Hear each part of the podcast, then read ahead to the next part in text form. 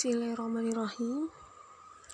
Di sini saya akan membahas mengenai analisa fikih produk PayLater dengan kasus Sahid merupakan seorang YouTuber serta memiliki keinginan untuk liburan ke Raja Ampat Papua. Namun, terkendala dengan tiket biaya yang mahal. Akhirnya, Sahid mencoba untuk menggunakan produk PayLater pada salah satu aplikasi traveler. Maka jawabannya adalah PayLater adalah metode, pembayaran dengan menggunakan dana talangan dari perusahaan aplikasi terkait. Kemudian, penggunaan membayar tagihannya ke perusahaan aplikasi. Fitur PayLater memberikan konsumen kesempatan untuk memanfaat, memanfaatkan jasa dan pelayanan, sementara mereka membayar di akhir sesuai batas waktu yang diberikan.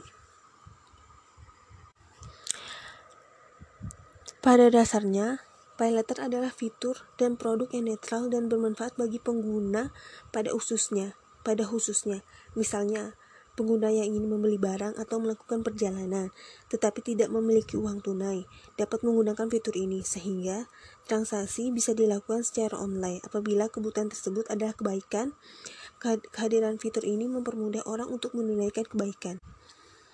Penerbit tidak memberikan fasilitas untuk transaksi yang bertentangan dengan syariah. Di antaranya, jasa atau barang yang dijual oleh toko melalui fitur PayLater, halal dan legal. Begitu pula tidak mendorong konsumerisme dengan cara antara lain menetapkan pagu maksimal pembelanjaan. Penggunaan fitur juga memiliki kemampuan finansial untuk mengisi pada waktunya. Uh, transaksi PayLater ini harus terhindar dari transaksi ribawi dan tra transaksi tra tra transaksi ter terlarang lainnya. Oleh karena itu, penerbit paylater tidak menjadi kreditor yang mendapatkan keuntungan berupa bunga atau pin atas pinjaman keadaan pengguna, di antaranya dengan mengubah fungsi penerbit aplikasi dari kreditor menjadi penjual barang atau jasa. Singkatnya, keuntungan perusahaan adalah fee jasa atau margin jual beli dan bukan bukan bunga atas pinjaman kort, pinjaman atau kort.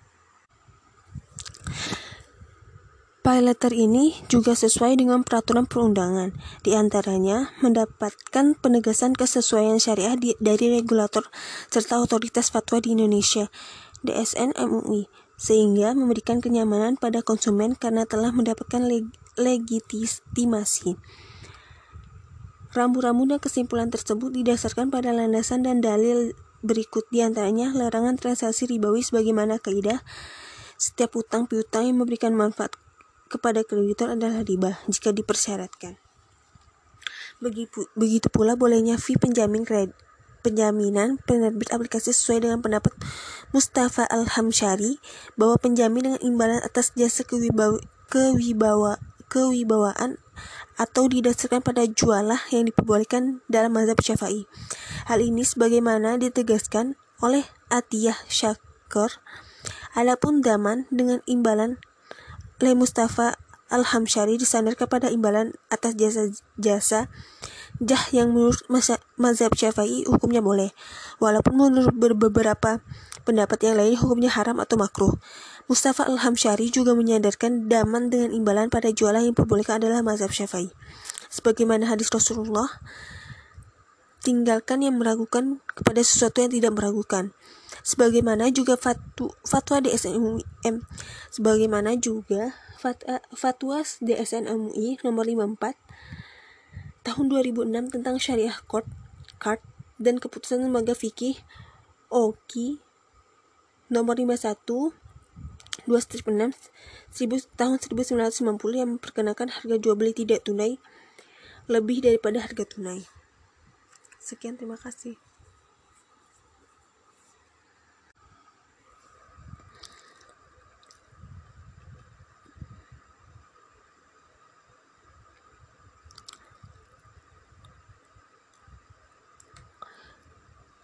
Penjelasan ini bersumber dari